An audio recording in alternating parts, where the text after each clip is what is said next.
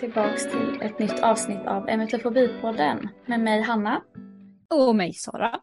Vad trevligt att ha er här. Jättetrevligt. Hur mår du idag Sara? Jo men jag mår helt okej. Det är ju valdag och allting. Ja just det, det är det. Så, um, får väl se vart detta bär hän. Ska du sitta och kolla på valvakan ikväll? Ja, jag tänkte göra det faktiskt. Spännande. Hur mår du själv? Eh, jag mår bra tack. Jag har eh, pluggat och eh, promenerat idag. Det är typ det jag har gjort. Och nu så ska jag podda och det är jag jättetaggad på. Ja, det låter som en bra dag ändå. Ja. Vad ska vi prata om idag då? Jag tänker att du är mer spekulant på det här än vad jag är. Och det är ett väldigt intressant ämne och vi har Ja. väldigt eh, spännande innehåll kring detta. Ja, jo, men vi fick en fråga för ett tag sedan. Och, eh, frågan var väl i princip om vi kunde ta reda lite på vad som händer med vaccin för eh, norokalicivirus, även kallat vinterkräksjuka då. Så um, jag skickade ett mejl till Folkhälsomyndigheten. Jag vet för många år sedan så var det ju prat om att det skulle komma ett vaccin. Men jag skickade ett mejl och frågade hur det låg till med detta nu. Eh, och jag fick ett svar. Så jag tänkte att jag läser upp det svaret. Hon svarade så här. Eh, det är inte enkelt att utveckla vaccin mot norovirus, vilket bland annat beror på att det finns flera olika varianter av norovirus, vilka i sin tur förgrenas i flera olika undervarianter. Och som med andra virus utvecklas ytterligare nya varianter allt eftersom. Det finns också diverse laboratorietekniska svårigheter med att utveckla vaccin mot just norovirus. Det finns ändå fyra viruskandidater som vid det här laget har kommit till kliniska prövningar. Dessutom har utvecklingen av covidvaccin påskyndat möjligheten att använda mRNA-teknik för framtagandet av nya vaccin. Vänliga hälsningar Annika Ersson. Så sammanfattningsvis så finns det inget vaccin idag, men eh, mRNA-tekniken öppnar ju upp för nya möjligheter i framtiden. Med andra ord så skulle man väl kunna förvänta sig att det kanske kommer någon gång i framtiden om det är möjligt, annars inte. Ja, som jag tolkar det som så muterar ju, eller ja. Ja muterar. precis, Kan virus det ändrar på sig. Ja, men Det precis. är väl därför man får eh, säsongsinfluensan, eller man kan få den varje år. För Ja. att viruset flyttar lite grann på sig, eller ändrar om strukturen lite så att immunförsvaret Precis. inte känner igen det. Precis, precis. Så vi får väl se vad som händer i framtiden. Mm. Det är också så att virus överlever ju. Virusen vill ju överleva. Mm, de vill ju gärna det.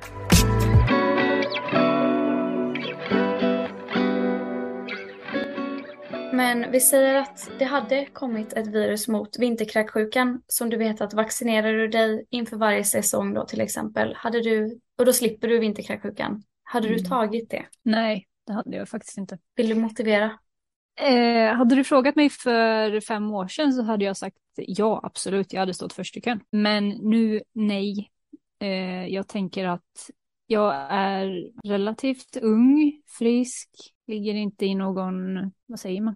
Riskgrupp? Riskgrupp, precis. Och det är bara min fobi som, liksom, som spökar. Och jag tänker också att skulle jag få magsjuka så klarar kroppen av det oavsett hur hemskt det är. Så jag hade inte gått till, till, den drastiska, till det drastiska beslutet om att ta ett vaccin. Nej, det hade jag inte. Det hade jag faktiskt inte heller gjort och eh, det kanske låter helt koko precis som du sa. Men för typ några år sedan så hade jag också gjort det. Men idag så känner jag att det inte riktigt är nödvändigt. Inte för att jag vill ha vinterkräksjukan, det har ingenting med det att göra. Men jag frågade min psykolog någonting liknande om det här för ett tag sedan när jag gick i KBT. Vi pratade väldigt mycket om om olika säkerhetsbeteende och hur vanliga människor som inte har fobin agerar och allt sånt. Till exempel då, det här vet jag att jag frågade henne specifikt. Det fanns, eller det finns ju sådana här eh, provtest för typ Mm. om man är immun mot, eh, jag vet inte om det är vinterkräksjukan, men det är något magvirus som gör Mm. att man får kräkningar och, och så. Yes. Och så frågade jag henne att så här, ja, det finns ju ett sånt test och jag vet inte om jag ska köpa ett sånt och testa eller inte. Och så frågade hon, ja men kan du ge mig för och nackdelar? Och då så sa jag, ja men en fördel är att jag vet att jag är skyddad. Men man är inte Mm. skyddad mot alla, men jag är skyddad mot just den sorten. Mm. Så jag, då kanske jag slutar oroa mig. Men det negativa är att tänk om jag inte är skyddad. Kommer det förvärra min fobi, sa jag till henne då. Och så gav hon mig typ det bästa rådet jag någonsin fått. Och det var att hon ifrågasatte mig. Hon sa, Hanna, vad tror du att en person utan fobi hade gjort? Hade Mm. den personen köpt ett test för, vad är det, 300-400 spänn och Mm. testat om den är immun mot en sorts magsjuka? Och när jag hörde de orden så var jag så här, nej, det är klart att en, en person utan fobi inte hade gjort det för de bryr sig inte. Nej, precis. Och det är väl en ganska bra riktlinje i det mesta tycker jag att är det någonting man tvivlar på så kan man alltid ställa sig frågan vad hade en person som inte har fobin gjort? Det kommer vara jättejobbigt att göra som en som inte har fobin göra om man har fobin. Men i grund och botten så vill vi väl ändå ta oss igenom fobin och bli Mm. friska från den, eller hur man nu ska säga. Bara som en liten jämförelse då, att eh, när covid kom så var jag ju livrädd för det. Och jag har ju inte kunnat ta mig ut så jag har inte vaccinerat mig och så vidare och så vidare. Men när jag då väl fick covid då, det var ju inte så farligt. Ja, jag mådde inte bra. Jag hade feber och hosta och allt sånt där. Men det var inte värre. Utan jag hade ju målat upp allting så mycket värre än vad det var. Inte jämförbart med vinterkräksjuka, absolut inte. Men bara en liten jämförelse att det är inte alltid så illa som vi tror att det är. Nej, precis. Och sen så tror jag också en del av att eh, bli frisk från fobin, det är att inte känna att man hela tiden behöver kontrollera allting. För att, att ta då ett potentiellt vaccin mot det, det är att försöka kontrollera verkligheten mot ett håll som man hellre vill. Men i själva verket så tror jag bara att det förvärrar det i längden. För vad händer om det här viruset inte hjälper 100% och man får den då? Då kommer man ju aldrig mer kunna lita på, då har man ingen tillit till sådana saker. Nej.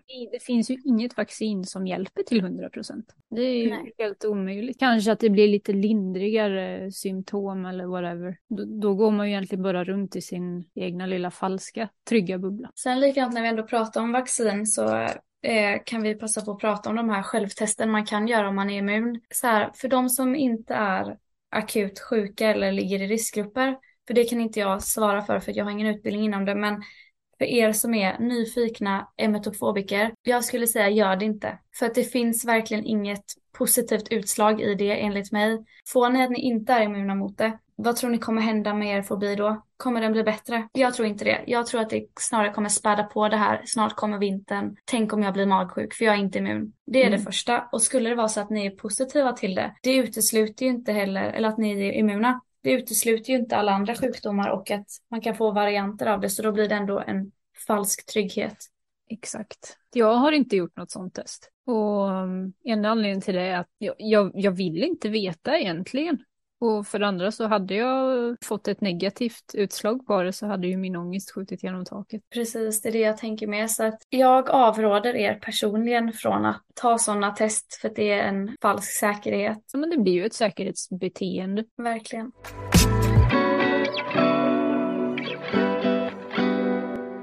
Så, då har vi pratat lite om vaccin och vad Folkhälsomyndigheten sa.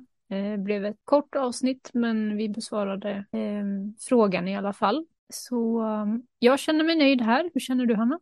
Jag känner mig också nöjd. Vi får tacka för att ni har lyssnat. Om ni har frågor, funderingar eller kritik eller feedback så är de varmt välkomna. Absolut. Och för er nya lyssnare så har vi en Facebookgrupp där vi eh, är ett litet stödforum skulle man väl kunna säga. Vi pratar om eh, emetofobi, alltså spyfobi, för det är det de flesta i gruppen har. Men vi pratar också om andra psykisk ohälsa. Den heter Emetofobi, psykisk ohälsa, positivt tänkande och pepp som finns på Facebook då. Gå gärna med i den och var med i vårt lilla forum. Glöm inte att besvara frågorna bara, annars blir ni inte insläppta. Bra. Viktigt. Sen en annan sak, eh, det är att om ni tycker att vi gör ett bra jobb med vår podcast eller att ni tycker om att höra våra röster varje vecka så får ni gärna lämna en, eh, en betygssättning. Det finns på både Spotify, Apple och säkert på de andra eh, forumen också där man kan lyssna. Ja, Det hade, det hade underlättat för oss för då hamnar vi högre upp i sökningshistoriken så fler kan höra vårt budskap. exakt. Och även kommentarer, kritik, det ger oss motivation till att faktiskt fortsätta. Så vi inte bara pratar för döva öron. Verkligen. Men med det sagt så tycker jag att vi avrundar det här avsnittet så får vi höras igen nästa vecka. Det gör vi. Ta hand om er, hej då!